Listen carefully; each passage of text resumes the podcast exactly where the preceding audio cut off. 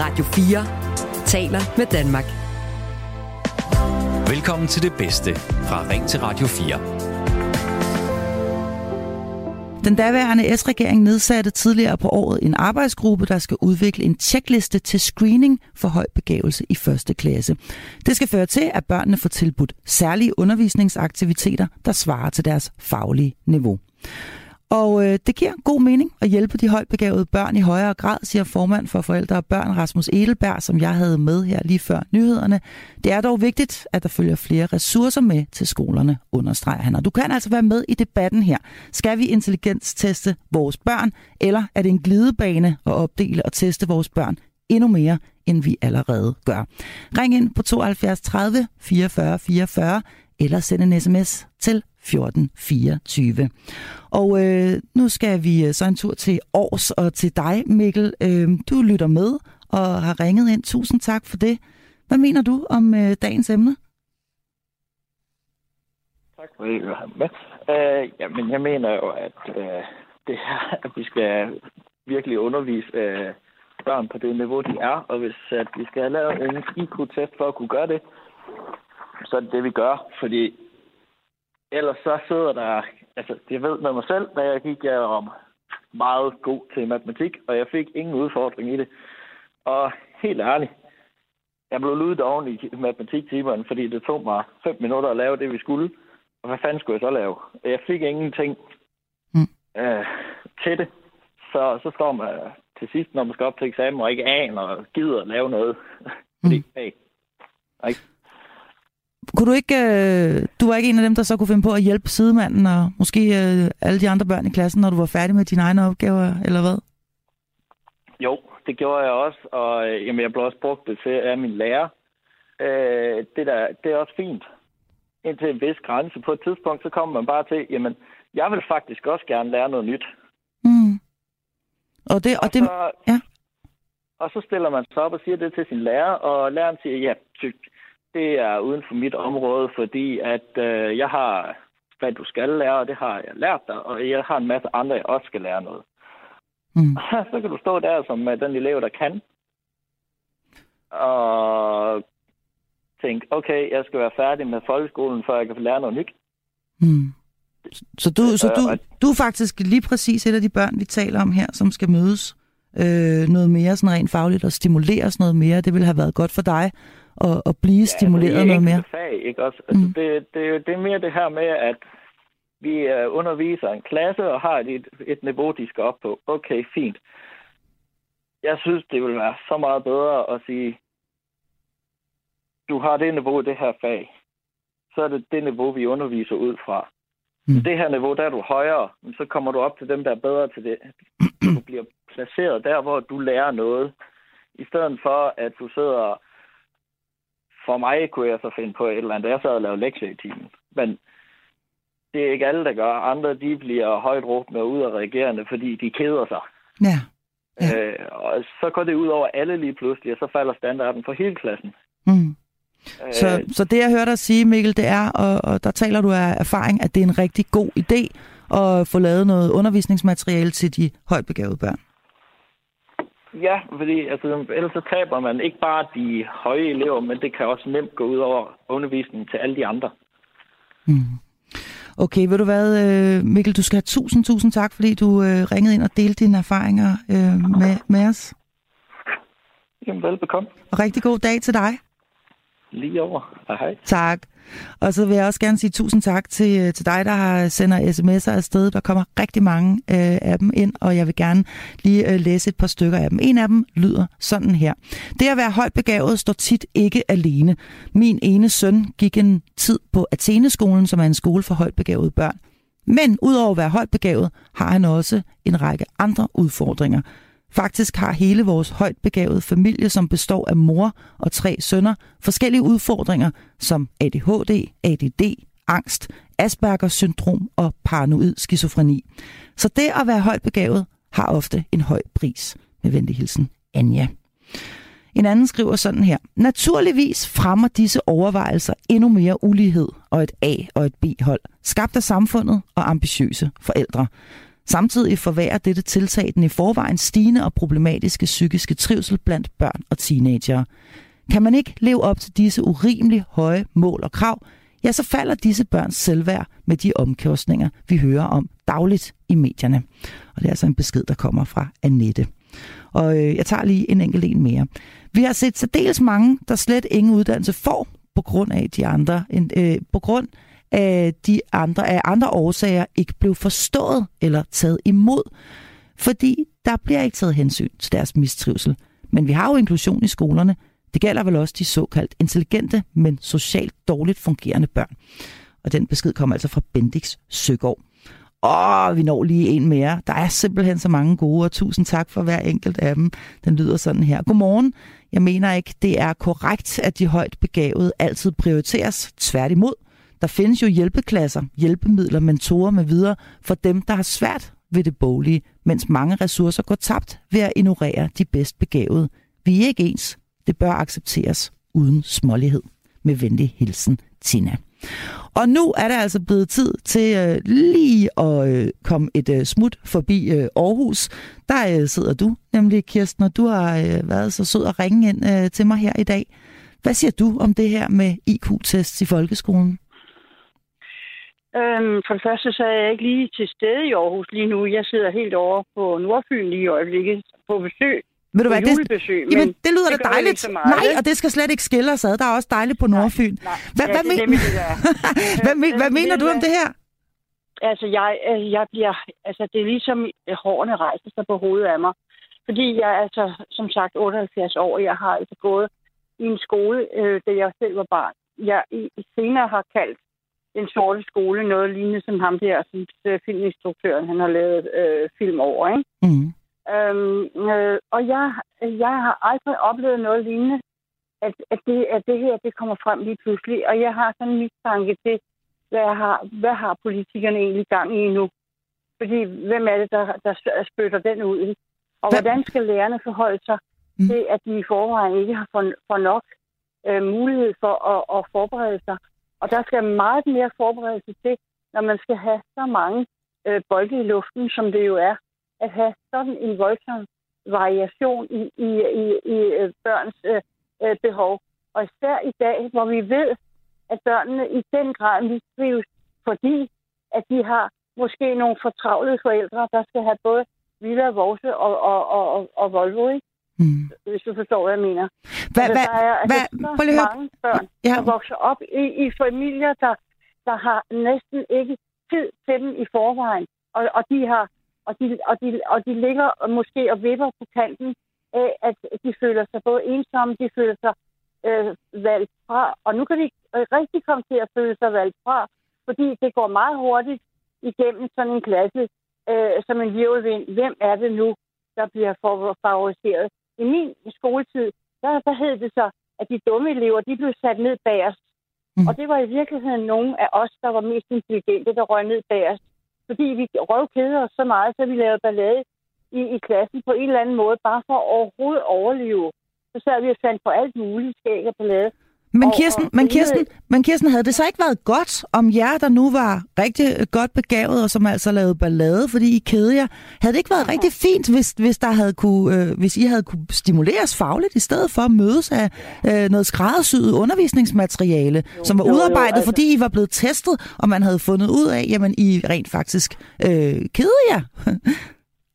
uh, ja, altså, altså jeg har også min mistanke til, hvordan de test øh, skal løbe af når man ikke er mere end, end 7-8 år gammel. Det, det er fuldstændig, jeg synes, det er fuldstændig horribelt øh, overhovedet at tale om det og tænke på det, fordi at det, der egentlig øh, der kræves, det er en meget forstående, empatisk lærer, og i hele taget øh, omgivelserne rundt om et barn eller børn, hvordan de har det i forvejen, i, i, i alle mulige retninger.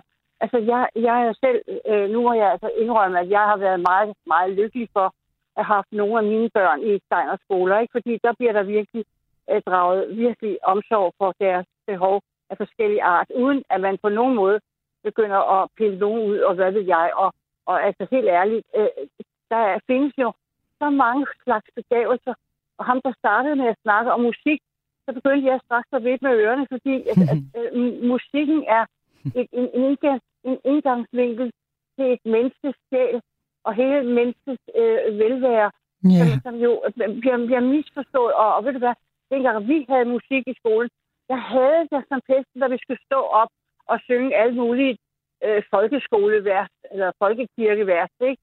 Mm. Og, og, og, og recitere et eller andet. Ja. Jeg, ved ikke, jeg ved ikke noget værre, men, men i selve, i selve min, min børns skole der i Støjerskole, der opførte de min sanden hændel ved Sirius henne i den, et lokale, et eller andet kæmpe store øh, øh, musik, øh, musikhus, ikke? Altså, Ja. jeg mener... Jeg mener Ved du hvad? Prøv at høre, Kirsten. Det der, ikke? Det der, jamen prøv at høre. Jeg kan godt forstå, jeg kan sagtens forstå dig, og man, man, bliver så, man bliver revet med, og det er vidunderligt. Men øh, tusind tak, fordi du ringede, og lige præcis altså, jeg øh, nævnte det der med musik. mere. Jamen prøv at høre, vi kunne lave tre timers radio, men det har vi desværre ikke tid til. Det vil jeg også ønske. Men kan du nu have det rigtig dejligt der på Nordfyn, Jamen, hvor du befinder dig?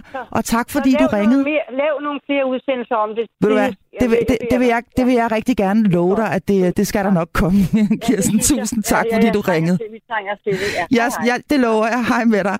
Og øh, så er der jo altså lige præcis det her med musikken, og jeg vender mig direkte mod dig, Jonas, musik, musiker og, og, og musiklærer med øh, fra Aalborg, 39 år gammel. Øh, Du, øh, du hørte, hvad Kirsten her hun sagde, og hvordan hun også øh, øh, fortalte om, om musik som noget fuldstændig vidunderligt og enestående øh, og, og i, i folkeskolen. Hvad, hvad, hvad, hvad tænker du sådan lige nu? Nu er der, bliver der kastet alle mulige forskellige perspektiver på bordet og, og, og ned i gryden her. Hvad, hvad tænker du sådan lige nu om, øh, om det hele? Jamen, altså, først og fremmest så lyder det jo til, at, at de der undervisere, de har brug for tid.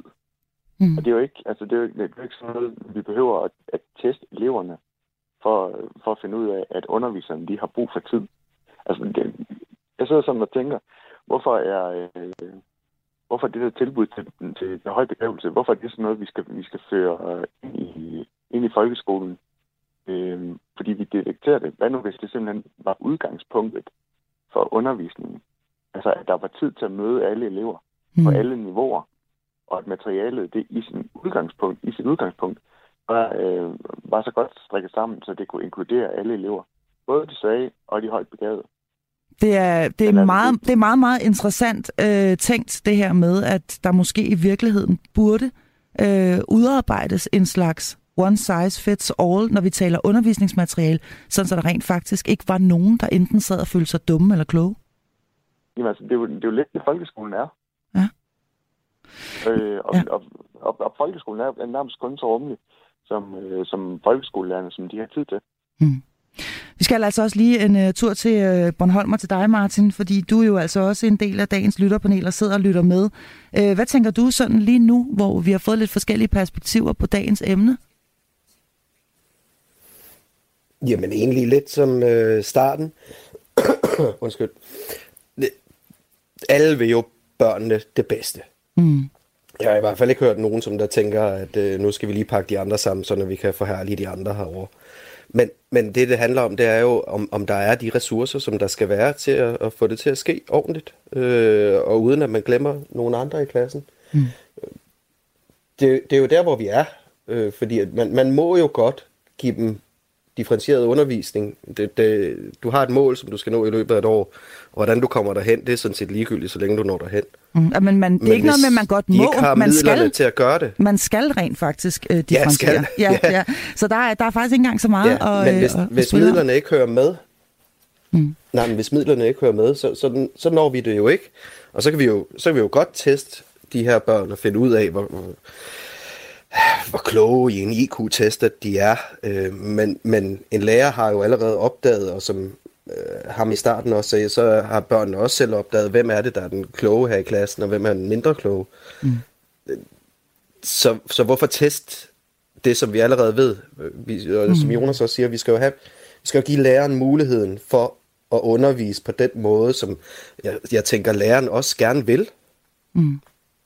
Okay, ved du hvad, øh, du øh, hænger lige på, øh, Martin, og så kan det være, at du kan få endnu mere perspektiv på, fordi øh, det giver god mening at tage mere hensyn til de højt begavede børn, men øh, vi har et glorificeret blik på intelligens, som øh, øh, på intelligens, og man burde bedømme børn ud fra meget mere end øh, IQ. Det mener du, øh, Iman Rashid, øh, speciallæge i almen medicin. Velkommen til dig. Ja, tak for det. Hvad mener du med, at vi har et glorificeret blik på intelligens? Man kan sige, at vi har jo bygget et samfund op omkring øh, uddannelse og karakterer og præstationer, hvor man øh, er rigtig god til at tænke, eller skal være det, øh, og på den måde øh, kommer til tops i uddannelseshierarkiet osv. Udfordringen er bare, at når man øh, laver så snæversynet en betragtning af, at intelligens skulle være det, der får en til at, at komme frem i livet, altså få gode karakterer osv., osv., osv., så risikerer man at fuldstændig skabe en blind vinkel for alt det andet, som er langt vigtigere end intelligens, nemlig sådan noget som sociale færdigheder, og sådan noget som empati, sådan noget som øh, evnen til at skabe tillid øh, eller tryghed hos andre. Øh, det vil sige hele det følelsesmæssige element, der gør, at man er, øh, måske kan være begavet, men også er tålig at være sammen med. Øh, så, så de sociale færdigheder, tror jeg bare er noget af det, man glemmer øh, og specielt når det handler om børn, fordi de er jo følende væsener og kan tænke øh, indimellem, men, men hvor vi øh, hos begavet, øh, særligt højt begavet børn risikerer at i virkeligheden fjerne helt, tro, altså tro, at de faktisk, øh, bare fordi de kan tænke, jamen, så kan de også alle de andre ting, som, som øh, de skal kunne, nemlig sådan noget som følelsesregulering, sådan noget som sociale færdigheder. Og, og sagen er jo, at, at der gør man dem en kæmpe bjørnetjeneste, altså i den forstand, at øh, man, man, øh, man, man gør dem voksne for tidligt, eller betragter dem som voksne. Man giver dem en voksen ansvar, i en, øh, i en, men, men, men hvor de har en børnehjerne, som slet ikke endnu er klar til at påtage sig det ansvar. Mm. Hvad, hvad, hvad, hvad mener du egentlig om, øh, nu var det, øh, øh, jeg tror det var Jonas øh, fra, fra lytterpanelet, der nævnte det her med, jamen hvorfor ikke lade de her højbegavede børn øh, hjælpe de andre børn i klassen, og så, og så måske få styrket deres selvværd ved at og faktisk øh, øh assistere læreren, når de selv er færdige med deres matematikopgaver efter fem minutter? Ja, og det, det er også en god tanke. Udfordringen med den øh, tanke er bare, at så skaber man allerede der et misforhold imellem øh, selvopfattelsen øh, hos de børn, der hjælper, og dem, der bliver hjulpet, fordi karakteren, øh, eller hvad kan man sige, spillereglerne kommer til at handle om, hvem der er klogest. Mm. Øh, og det, øh, og det, det er jo lidt... Øh, altså, i virkeligheden så har jeg hørt øh, en gang øh, folkeskolen beskrevet rigtig, rigtig fint, øh, som at man skal skabe et læringsrum, hvor alle de øh, står på tær. Øh, og det er selvfølgelig derfor, at øh, de højt begavede børn, øh, hvis de konstant skal sidde og hjælpe andre børn, øh, så vil de jo ikke blive udfordret i forhold til øh, det, der kan stimulere deres... Øh, øh, altså, de, de er jo måske bare et andet sted øh, rent øh, kognitivt, men måske emotionelt er de samme sted som de andre børn i klassen. Ikke? Og det, altså, der er bare et andet behov hos de her børn, en, som, som man kan sige, jo, hvis de hjælper de andre børn i klassen, det er fint for læreren, øh, men, men det vil bare gå ud over de her børn, fordi de vil jo ikke øh, være, blive udfordret på samme måde, når de går i skole. Mm. Og de skal altså udfordres og stimuleres, det mener du rent faktisk. Spørgsmålet er bare, om en IQ-test er det, der ligesom skal, skal, skal hjælpe dem. Hvordan ser du på selve det her forslag om, at man skal kunne screene børn helt ned til syvårsalderen? Jamen, øh, altså det handler jo om at øh, forstå, hvorfor skal man screene, hvem skal man screene, og hvad, hvad, hvad, hvad, hvad vil resultatet af en screening øh, føre med sig. Man er nødt til at have hele rejsen fra, øh, altså man er nødt til at tage det hele. Det der med bare indføre screeninger, øh, så får du nogle børn, der får et resultat, øh, og, og et eller andet sted er intelligensen jo bare en lille bitte del af af det, som et barn øh, har. Øh, man kan se det som forudsætninger, øh, og, og der er det klart, at hvis man som led i en mistrivselsudredning øh, begynder at, at teste for, om kunne det her være mistrivsel, der er baseret på, øh, på hvad hedder det, høj eller lav begavelse, eller hvad det kunne være, øh, så der kan det selvfølgelig godt spille ind, fordi der kan være nogle udviklingsmæssige ting, man skal tage højde for. På samme måde som, at hvis man opdager børn, de ordblinde, jamen, så skal der selvfølgelig gøres nogle andre, tages nogle andre hensyn, øh, fordi at man derved kan forklare adfærden. Hos højt begavede børn, efter hvad jeg har læst mig til, øh, så vil det jo være sådan, at fordi de øh, måske ender med at sidde og kede sig, jamen, så øh, risikerer mange af dem også at begynde at øh, få nogle, altså blive misforstået i klassen, fordi de påkalder sig for meget opmærksomhed, øh, fordi de ikke føler, at de måske... Øh, altså, ja, de, de sidder og keder sig, og så vil de måske ikke have den adfærd, som de andre børn, der skal koncentrere sig om at lære noget. Øhm, altså, der kan være en forskel i det, og hvis man der hos et barn oplever en adfærd, der afviger fra normen, så kunne det jo være på sin plads at lave øh, forskellige former for udredninger, om man vil, øh, hvor at en intelligenstest også kunne indgå. Men det med systematisk at screene alle, det vil jeg mene var virkelig et skråplan. Øh, fordi at så har vi lige pludselig, jamen okay, her er de højt begavet, her er de lavt begavet, og så har man givet folk et stempel i nakken, øh, som formentlig kunne risikere at komme til at forfølge dem for tid og evighed. Mm. Og det tror jeg vil være en kæmpe udfordring. Og nu er det altså heldigvis heller ikke det, der er tale om at screene alle. Det er ment som et, øh, et, øh, et redskab til, øh, når, når den pågældende skolelærer har en konkret mistanke om, at der kan være tale om, om høj begævelse. Og i øvrigt øh, har jeg lavet mig fortælle, at alle børn, der øh, bliver henvist til PPR, øh, de faktisk skal have en IQ-test, øh, før de kan få hjælp i psykiatrien. Så den her IQ-test, den, øh, den finder sted alligevel i rigt mål derude. Jeg har lyst til at spørge dig her til sidst, Imon Rashid. Hvordan ser du på det her med, at øh, når man intelligenstester børn, bør man lade dem vide, hvad resultatet er? Altså, øh, det, det, det, det kommer an på det enkelte barn, og det kan, kommer an på selvbevidstheden hos det enkelte barn, og også øhm, hvordan man forklarer det. Altså det her med at sige til børn, at du har en høj intelligens, og hvad betyder det? Altså, man, jeg, jeg mener jo groft sagt, at man øh, burde arbejde meget mere med øh, forståelsen af, hvordan øh, hjernen fungerer, hvordan følelser de er, at mennesker de øh, reagerer det meste af tiden og kan reflektere indimellem, og at refleksionerne af det, der hos et øh, højtbegavet barn, øh, der vil man have større øh, mulighed for at forstå ting, men det at kunne forstå ting betyder jo ikke, at du også kan håndtere ting øh, lige så godt, fordi det kan da godt være, at du lige pludselig forstår meget mere. Nu forstår du, at miljøet det er et problem, du forstår, at der er krig, du forstår, at der er alle de her forskellige ting, men hvad gør det ved dig rent følelsesmæssigt? Fordi bare, altså, høj begavelse er jo ikke det samme som, at man kan øh, regulere sine egne følelser, undgå at blive stresset af det, man hører, eller blive utryg osv. osv. Tværtimod vil jeg sige, at nogle, mange børn er jo lykkeligt uvidende om alt det, der foregår i voksenverdenen, fordi vi forskåner dem for det. Og det er også derfor, jeg mener, at sociale medier selvfølgelig nogle gange kan åbne døren op for en verden, der måske ikke er designet til øh, børnehjerner, øh, der burde være lykkeligt uvidende et godt stykke nu, så de ligesom kan få bygget den tryghed op, som de så senere skal ud i livet med, og vide, at der er altså steder i verden, der er trygge. Der kan man sige, at højt begavede børn vil desværre nok få banket den dør op øh, for hurtigt og for, for kraftigt, uden at blive klædt på til også at kunne håndtere øh, ja, den øh, verden, vi nu engang har skabt øh, omkring dem. Du lytter til et samdrag af Ring til Radio 4. Ensomhed, den kan vise sig ved, at du er alene mod din vilje, men den kan også ramme dig, selvom du sidder omringet af venner og familie. Og det skal handle om begge typer ensomhed i dagens Ring til Radio 4, hvor jeg spørger, bliver ensomheden forstærket i julen? Og hvad skal vi gøre for at håndtere ensomheden lige nu. Jeg plejer jo at spørge dig, der lytter med, og håbe på, at du vil ringe eller sms'e dit svar. Men fordi det er helligdag i dag, så er Ring til Radio 4 optaget på forhånd. Det betyder, at du ikke kan sende mig en sms eller ringe herind, men vi kommer til at høre flere forskellige stemmer, som vi plejer her i Ring til Radio 4. Og jeg håber, at dagens emne alligevel vil sætte tanker i gang hos dig, og at du har nogen at dele dem med.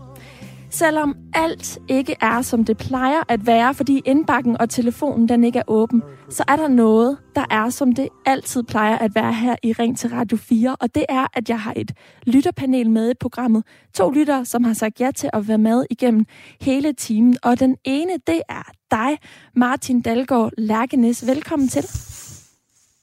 Ja, tak for det. Du kommer fra Fredericia, du er 57 år, og så arbejder du til daglig med fødevare teknologi. Hvad vil du svare helt kort på spørgsmålet her? Bliver ensomheden forstærket i julen? Øh, ja, det tror jeg faktisk. Øh, altså det, det er jo, der er jo to sider af mønten. Altså, der er selvfølgelig mange sociale øh, kommet sammen og så videre, så videre, men jeg tror også, at ensomheden bliver forstærket for, for dem, som måske sidder alene og ikke har nogen. Taler du ud fra egne erfaringer? Ja, jeg har nogen i, ja, vi har nogen i vores omgangskreds, hvor man godt kan mm, synes, at de måske er, sidder alene og, og så må man jo prøve, altså vi, vi prøver jo at gribe fat i det og, og se, hvad vi kan gøre. Øh, så, så jo, lidt erfaring har jeg med det. Men det er ikke fordi, du selv oplever, at ensomheden den bliver forstærket her i julen? Nej, det, det, det synes jeg faktisk ikke. Altså, jeg har min familie, mine børn og, og, og venner, og vi, vi ses, og, og jeg synes ikke, selvom du siger, at, øh, at man godt kan føle sig ensom, selvom man sidder i en flok, øh, det, det, det, den følelse har jeg ikke. Så skal jeg også byde velkommen til den anden lytter, og det er Allan Hauge. Velkommen til. Tak for det. Du er 48 år bosat i Odense og vicedirektør i en bioscience virksomhed, som beskæftiger sig med kraftforskning. Hvad tænker du om det her spørgsmål? Øh, bliver ensomheden forstærket i julen ud fra din øh, erfaring og mening? Jamen det tror jeg, den gør. Øh, jeg tror egentlig, at den væsentligste faktor i, at den måske bliver forstærket her om julen er, jeg tænkte, jeg har egentlig tænkt en parallel i forhold til coronaen, dengang at øh, vi alle sammen sad derhjemme jo, i, i coronatiden. Der tror jeg egentlig på mange måder, at, at det gjorde noget godt for nogens ensomhed i hvert fald, fordi man ikke følte, at man gik glip af noget ude i samfundet. Øh, der var ikke en masse, der skete i samfundet omkring en.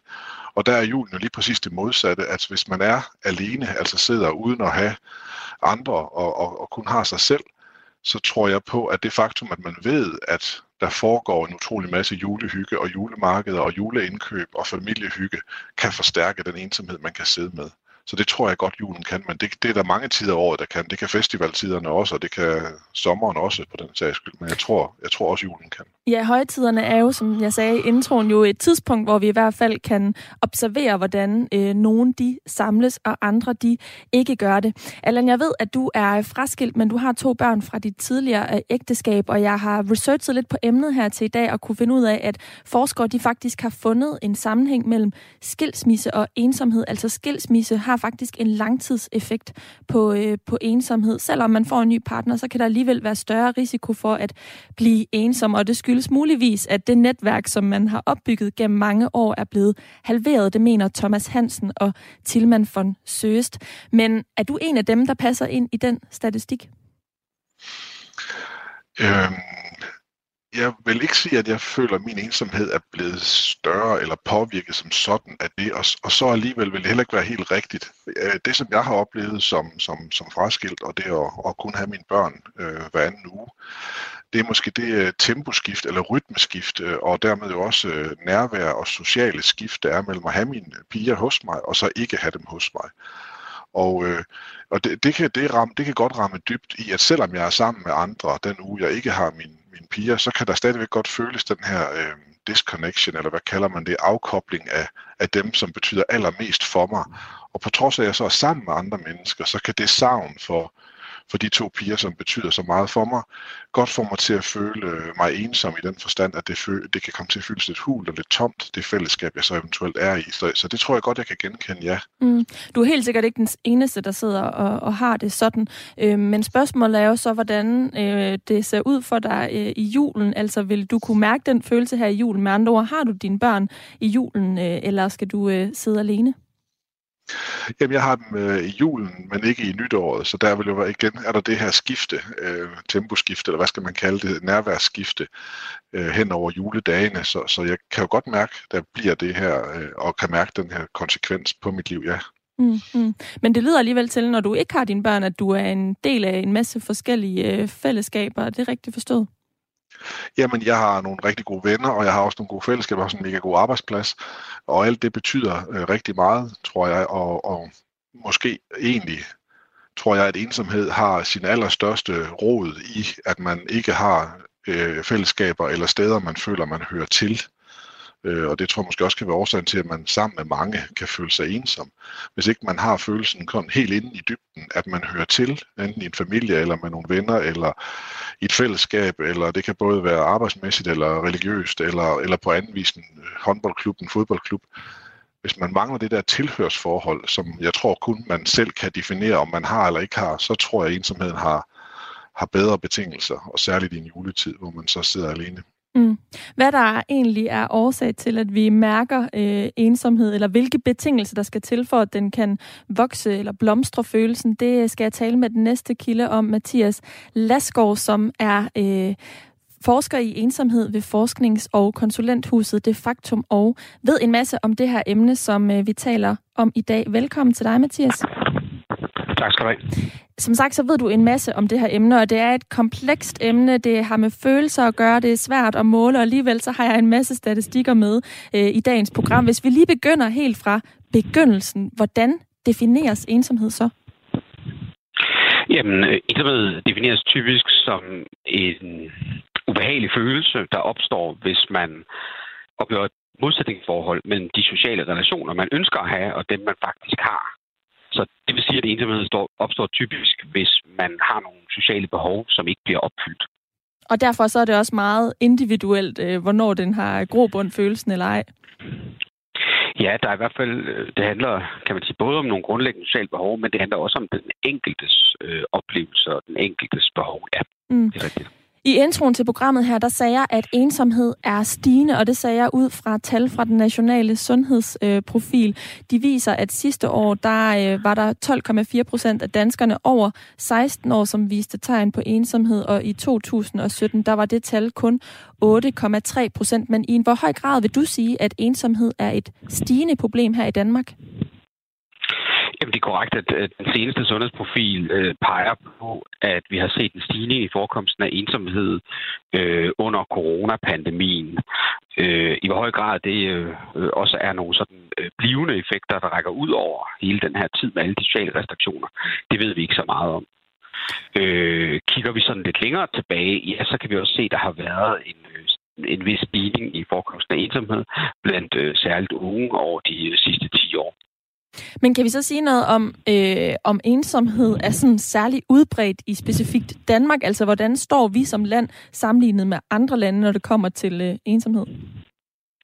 Ja, vi står øh, rimelig fornuftigt, og, og det, det hænger nok blandt andet jo sammen med, at vi trods alt sammenlignet med mange andre lande har øh, rimelig fornuftige forhold og også øh, bedre helbredstilstand end så mange andre lande. Men, men, men sådan set i et europæisk perspektiv, så, så finder man større forekomst øh, i blandt andet Sydeuropa og Østeuropa end, end i Skandinavien herunder Danmark. Er der så nogle grupper, der bliver hårdere ramt end andre, som man kan øh, sige bliver ramt, uanset hvilket land man øh, bor i? Jamen, øh, altså studier bare sådan generelt på, at, at det at være i et ægteskab, det at være i et sammenliv, som jeg også lige var inde på øh, her før, generelt beskytter mod ensomhed, og der ses en, en større forekomst blandt singler, enker og, og, og skilte.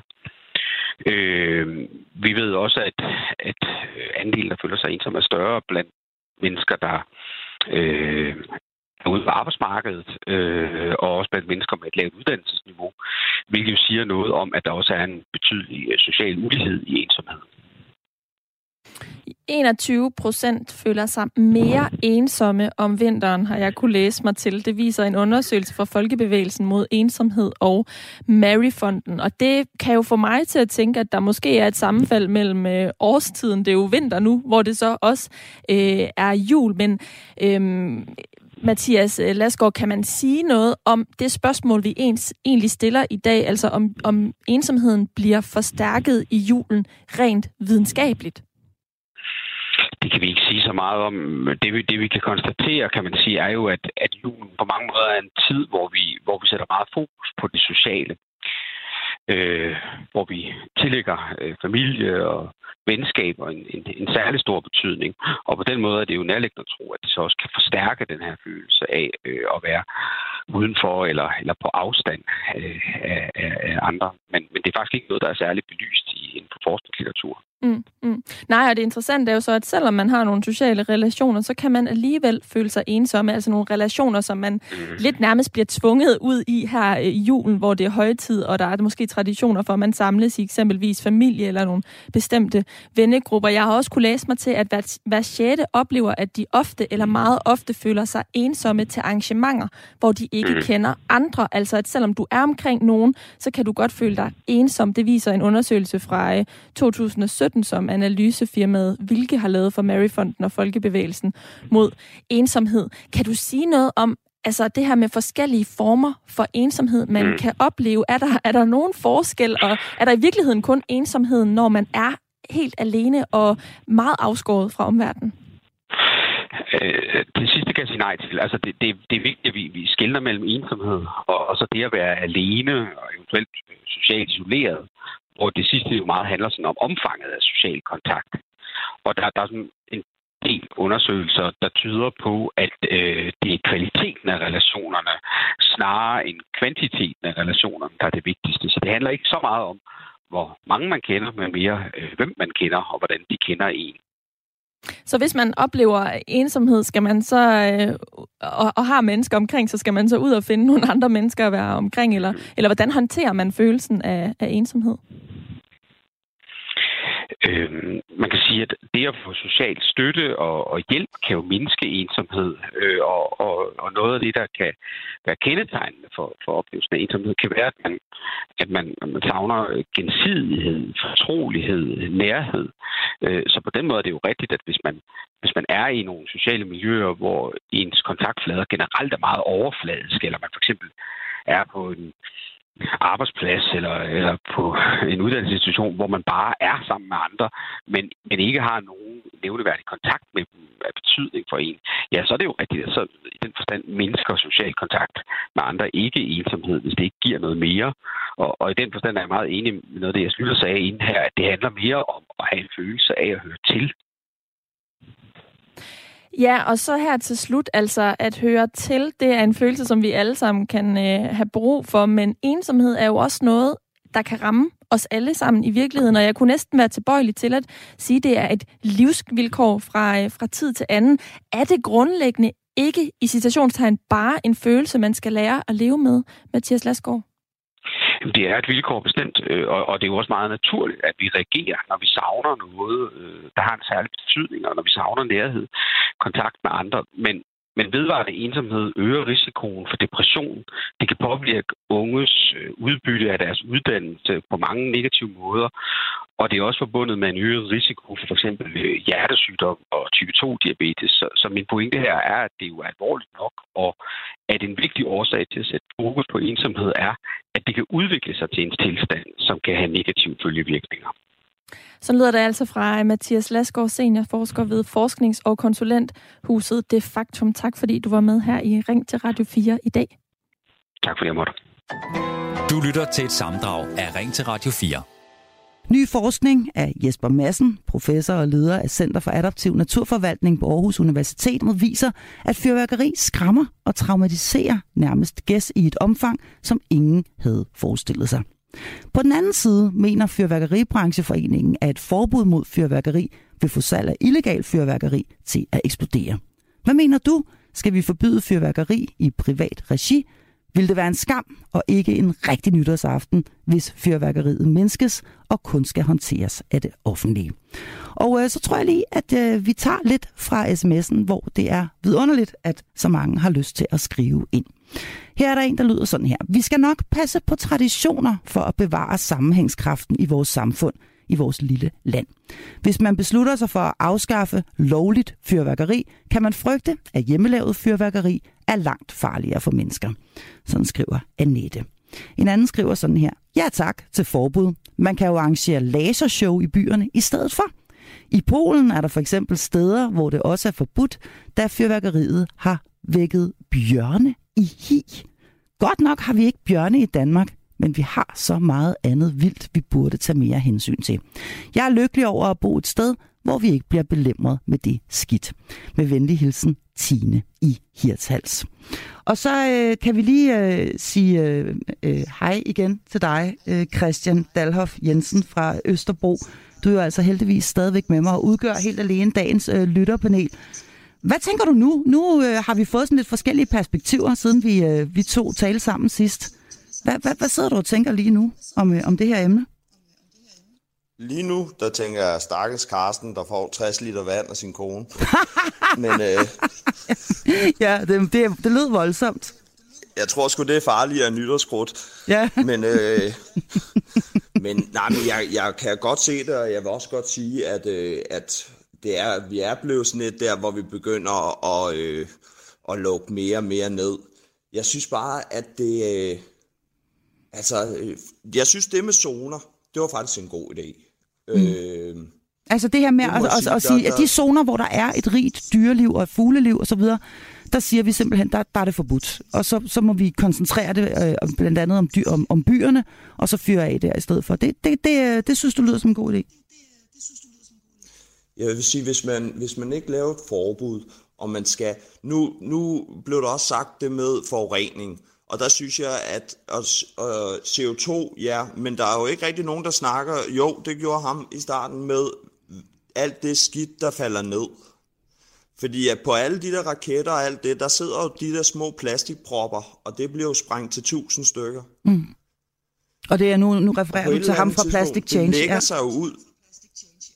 Altså, øh, du ved, der, der er også bare kommet nye bekymringer til, hvor man er nødt til at se på de ting. Det er jo ikke fordi, at man skal gå ned, men det er sådan, altså der er sgu noget her, der går ind og påvirker naturen, altså, og den natur, den lever vi af, så det påvirker os, og det påvirker de miljøer omkring os. Mm. Og det er måske ikke lige nu, vi mærker det, men det mærker vi måske 100 år frem, når der begynder at komme en masse andre nye følgesygdomme. Mm. Jeg har egentlig lyst til at Hvor- spørge dig, hvor fordi jeg du jo synes, selv... skal- Ja, Christian, fordi du er jo selv skraldemand. Altså, hvad er det for en billede, der møder ja. dig, når du kører ud og, og skal, skal udføre dit arbejde øh, i starten af det nye år? Jeg vil sige, at folk er blevet bedre til det der med at samle sammen. Øhm, I forhold til, da jeg var ung, der kan jeg huske de der øh, billeder af Amagerbrogade, og, øh, og hvor om morgenen var det jo bare et stort, øh, folk kørte rundt omkring batterier og lort og skidt. Hvor nu, der synes jeg rent faktisk, når man vågner sådan dagen efter øh, 1. januar, altså det er ikke det samme makabre syn af pap og lort og skidt. Øh, men vi kommer som regel ud, og så, øh, så har folk pakket det i, normalt så giver kommunen to poser, som man så kan få afhentet øh, efter, øh, efter nytår, hvor man kan øh, fylde nytårskrudt i, og så bliver de så afhentet. Okay, det er egentlig Øh, meget godt, det- du lige siger det, for det var ikke folk- engang jeg klar over, at man kan faktisk få udleveret, øh, øh, fordi det er vel i virkeligheden særligt farligt affald, det her, er det ikke det? Jo, altså det, det er noget med, at øh, jeg er ikke helt sikker, fordi at nu er jeg jo gået over til ikke at køre restaffald længere. Øh, men jeg mener, at der bliver sagt, at det er sådan, at man kan stille to poser, øh, og det, de bliver så samlet op, når de er forsvarligt pakket og bundet. Øh, og der skal selvfølgelig siges, at der skal ikke proppes, øh, der er jo genialiteter, der er proppet krudt i, som ikke har været fyret af. Okay, og det må man Og altså ikke. Det er jo ikke så godt, når man, øh, når man, når man øh, ligesom skaber en smule varme, når man kører cyklus. Uh, uh, så, så, så det, det er faktisk godt lade være med. det er endnu et godt råd, også for lige at passe på vores, øh, vores øh, skraldemand, vores øh, skraldemænd rundt omkring i Danmark. Men altså øh, rigtig godt lige at vide det her med, at man rent faktisk kan få de her specialposer, og så pakke sit øh, øh, det fyrværkeri, man har fået skudt af, øh, øh, særligt for sig. Jeg mener faktisk bare, at det er ganske hvide, gennemsigtige øh, sække, som man så, øh, det står inde, når man går ind på, en, øh, på hjemmesiden på ens kommune, der kan man se ens renovationsaftale, og øh, der kan I som regel også se omkring nytårskrudt. Det er, det, er, det, er, Øhm. det er så godt, det der, Christian. Så gør lige det, inden du øh, øh, fyrer af, eller når du er færdig og skal rydde op og finde ud af, hvor du egentlig skal deponere det, når du har fyret af. Nu skal vi lige, du hænger på, Christian, men nu skal vi altså lige et uh, smut til, uh, til Fredensborg, fordi uh, vi har nemlig Ellen med. God formiddag til dig, Ellen. Ja, tak, og god formiddag derinde også.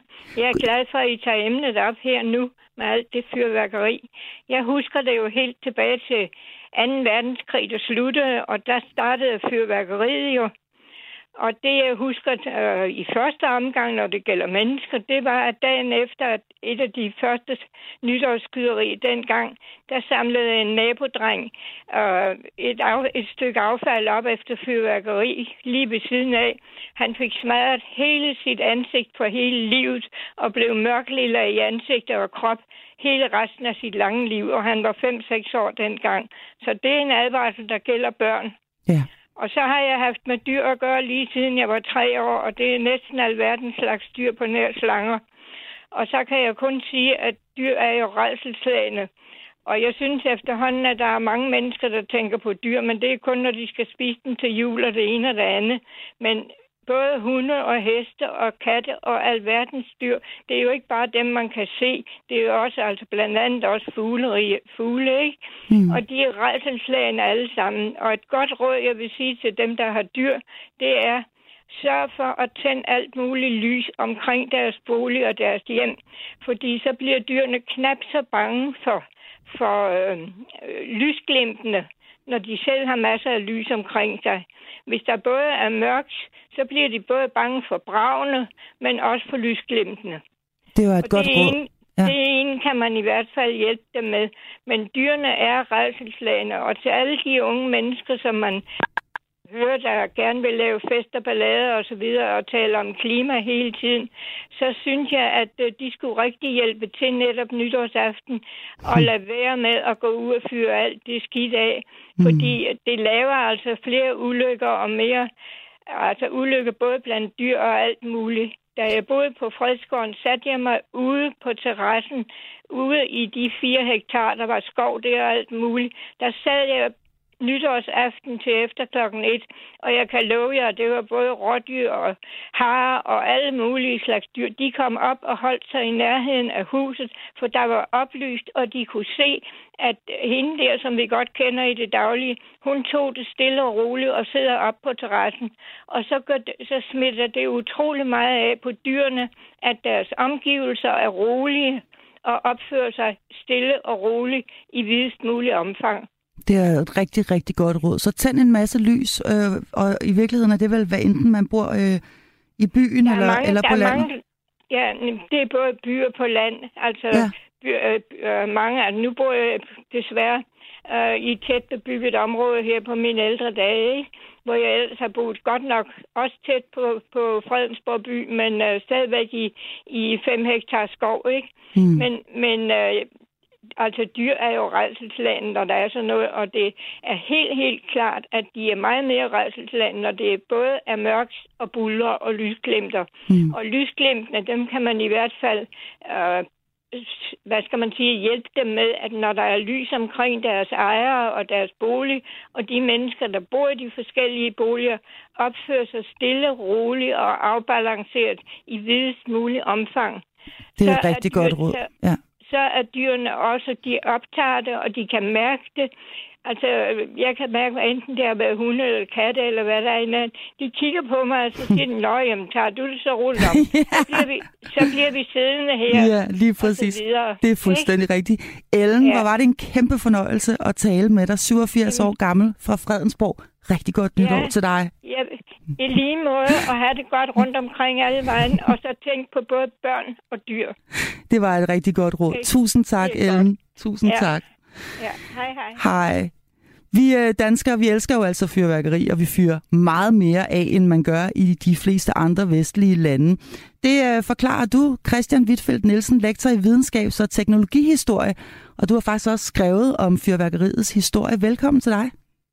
Tak skal du have. Hvorfor elsker vi nytårskrudt så meget her i Danmark? Ja, historisk set så hænger det sammen med en gammel tradition for at lave larm til nytåret. Øh, og det gjorde man, øh, og har man gjort, for i et forsøg på at skræmme onde ånder og onde anelser omkring fremtiden øh, bort. Så i gamle dage, altså før vi havde fyrkeri, der, der kunne man finde på at kaste tallerkener og gamle potteskår på hinanden større, for simpelthen at lave larm. Og der skal nok også være nogen der, der, der synes, at det var ikke så rart at få øh, alle de der potteskår på foran. Men øh, fyrkeriet, det er jo så kommet til Danmark sådan i løbet af 17-1800-tallet, øh, og hænger også meget sammen med industrialiseringen, altså den der udbredte brug af fyrværkeri, fordi øh, altså det er jo industri- den industrielle produktion, der har gjort det muligt at få øh, mange forskellige former for fyrværkeri, og også fyrværkeri til en pris, som gør, at at alle, øh, eller langt de fleste, har mulighed for at, at, at købe det. Mm. Så, øh, så i løbet af 1900-tallet og, og efter, især efter 2. verdenskrig, 1960'erne og 70'erne, der blev fyrkeri øh, til nytår øh, meget udbredt. Øh, og det er også her, vi, vi finder sådan de første øh, sådan advarsler og bekymringer omkring, hvad den her udbredte brug af fyrkeri, den kan medføre. Mm. Så vi skal faktisk helt op til omkring 70'erne og 80'erne, øh, for det sådan for alvor blev allemands eje. Øhm, du forklarer også, at det primært er mænd, der køber fyrværkeri. Altså, det overrasker personligt ikke, ikke mig. Men, men det er altså primært mænd, der køber fyrværkeriet og skyder det af. Hvorfor tror du, det forholder sig sådan? Jamen altså, som med al anden teknologi, så er det jo øh, en, en kønnet affære, forstået på den måde, at, at det spiller lidt, lidt ind i nogle af de øh, kønsroller, vi øh, i, i forvejen har. Mm. Uh, og, og jeg ved ikke, altså fyrkeri, det er jo, det er jo knyttet til sådan en, øh, en, en form for Altså det der med fyrkeri til nytår, det er sådan en løsluppenhed og kan man sige også lidt uansvarlighed og, og sådan en risikoadfærd, mm. som, øh, som jo typisk og historisk set har været knyttet også lidt til sådan nogle mandlige øh, kønsroller. Mm. Øh, så, så det kan godt have været noget at gøre med, at, at mænd ligesom til nytår får, får afløb for, øh, hvad kan man sige, og får mulighed for at, at udtrykke sig, ja, udtrykke deres mandlighed igennem præcis. Øh, brug af fyrkeri. Ikke? Så, ja. så, så, så det kan godt være sådan nogle ting, der, der spiller ind. Det var nemlig lige præcis uh, mit næste spørgsmål. Min egen kæreste sagde ja. her til morgen, det skulle da klart, det er det eneste sted, vi har tilbage, hvor vi sådan for alvor kan være mænd. Øhm, men men, ja. øh, men det, det, det ved jeg ikke. Det, man kan sige, det er jo en helt anden, øh, en helt anden debat, men det her med, med, med forbud og for og imod osv., øh, ser du en tendens til, at flere vælger at droppe fyrværkeriet? Øhm, og i så fald, hvorfor? Der, der er helt klart en tendens til, at øh, det at være mere forsigtig og også helt øh, hvad kan man sige, gå bort fra at bruge øh, fyrværkeri. Og det er jo en tendens, som man ser øh, knyttet til nogle af de problemstillinger, I tidligere har talt om. Der er selvfølgelig det her med dyrevelfærd, men der er også sådan et lidt større spørgsmål omkring øh, klima og bæredygtighed, fordi øh, altså, der, er, der er jo det er noget svineri for at sige livet, ikke? Det er både, mm. der er både luftforurening og affald, der ligger på gaderne øh, og så videre. Og, og så er der jo det forhold, at rigtig mange øh, kommer til skade nytårsaften, fordi de ikke passer øh, godt nok på, øh, når de bruger fyrværkeri. Så alle de her faktorer, de gør at, at mange folk begynder at tænke, jamen er det overhovedet fornuftigt, og, og spiller det sammen med en, kan man sige, en ellers fornuftig og ansvarlig øh, levestil. Så derfor er der flere og flere, der vælger det fra, og der er også flere og flere, som giver udtryk for, at øh, altså, der skal mere lovgivning på området. Ikke? Altså, mm. Fordi en af de grunde til, at vi i Danmark ligesom er lidt specielle på det her fyrværkeriområde, det er at vi har en, en relativt øh, fri og liberal lovgivning i forhold til det, når man sammenligner med andre lande, hvor man er mere øh, hvor der er mere, øh, flere regler på området, og hvor der også er større tradition for, at fyrværkeri det er noget, som man ligesom øh, får nogle professionelle folk til, og så laver man, øh, så samles man omkring og ser fyr, andre store fyr, fyrværkeri af. Og man har ikke det der med, at man, man render rundt øh, på gaden øh, sådan lidt småfuld og, og selv sætter ild til raketter og, mm. og, og hvad man ellers skal finde, øh, har, har med sig. Nu havde vi Ellen med lige før. Øh, søde Ellen på 87 år, der var med fra, fra Fredensborg på en telefon før, som ja. sagde, at øh, måske skulle de unge mennesker, som taler så meget om klima og gerne vil passe på vores planet, også til at tænke lidt mere over det her øh, nytårsaften. Ser du en tendens til, at det primært er de unge, der rent faktisk har den her eftertanke og, og, og vælger fyrværkeriet fra? Eller kan man sige noget om det? Ja, jeg tror ikke, man kan sige det helt generelt, fordi der er jo lidt et dilemma med, at, øh, at fyrke, eller fyrkeriet, det, det hænger sammen med, med festerne mm. øh, og, og løslumheden, som jeg sagde, øh, det er nytårsaften, ikke? Og det er jo øh, nok mest de unge mennesker, som, øh, eller unge folk, der, der, der, der, der holder store fester, og derfor også har, har fyrkeri. Men altså, jeg tror, der, jeg, jeg tror at hun har fat i en, en god pointe, og jeg tror også, at mange unge mennesker faktisk lytter til det, og, mm. og tænker, altså man kan så se en tendens til, at hvor at, i gamle dage, der var fyrkeri noget, man brugte i byerne, fordi det primært var noget for de velstillede og bedre borgere. Øh, mens ude på landet, der, der var det potter på, på dørene og andre nyårsløjer, man kunne finde på. Ja. Men i dag er det skiftet, altså således, at det største forbrug af fyrkeri, det faktisk findes i landområderne. Ja. Ikke? Så, så, og, og, helt, og helt konkret skal vi faktisk til Vestjylland for at finde det største forbrug øh, per indbygger? Ja. Det er nemlig Vestjylland, ja. og det er jo et eksempel på, at, at det er folk øh, i landområderne, som, som har det største forbrug af fyrværkeri per indbygger. Ikke? Altså, det kan så stadigvæk virke voldsomt i byerne, fordi der stadigvæk er relativt mange, der, der køber fyrværkeri og fyrer af. Men øh, forbruget i byerne er faldende, og, og der er som sagt altså en, en, en tendens både til at, øh, at bruge mindre fyrværkeri øh, og også være mere forsigtig, når det, mm. når det gælder fyrværkeri. Det er jo ikke første gang, at, at vi har haft den her debat om fyrværkeriforbud. Den har været oppe øh, med jævne mellemrum, men alligevel så er et forbud aldrig nogensinde blevet vedtaget. Hvorfor øh, tror du ikke, at lovgiverne de, øh, de, de går ind i det her og tager ansvaret på sig og, og, og, og forholder sig til det? Jamen, det har jeg faktisk også selv lidt svært ved at forstå. Altså, det er et par, et par år siden, hvor der var nok øh, ved det, underskrifter til at lave sådan et borgerforslag, der blev taget op i Folketinget. Ikke? Men altså samtlige, jeg tror det var samtlige partier gik imod øh, og, og ønskede ikke at gå videre med det. Ja. Øh, og, og det kan jo godt virke lidt, lidt underligt, at man ikke øh, ligesom tager det op. For jeg tror, det er en, altså det er en, vil være en diskussion, der vil også vil være relativt nemt at få, kan man sige, altså der er rigtig, rigtig mange gode argumenter for at, at have en, en, en strammere lovgivning omkring fyrværkeri. Øh, det, og det taler ind i, en, i, i, i den her bæredygtighed og en mere ansvarlighed osv., ikke? som jeg tror, at politikere, det vil være en dagsorden, som politikere meget nemt ville kunne tage, tage på sig. Så, så hvorfor de ikke skulle gå ind i det, det har jeg faktisk selv lidt svært ved at forstå. Måske, altså der ligger også, man kan også tale om, det ligger lidt andet dybt i, i folkesjælen om, at okay, det er så lige den ene gang om året, hvor at man ja. får lov til at, at udvise lidt, uh, lidt uansvarlighed og, Ja. og sådan noget. Ikke? Men, men alligevel, uh, det, det hænger altså dårligt sammen med sådan en mere moderne og, og bæredygtig livsstil. Så, så derfor så tror jeg også, det kommer. Uh, Jeg tror, det er et spørgsmål om tid.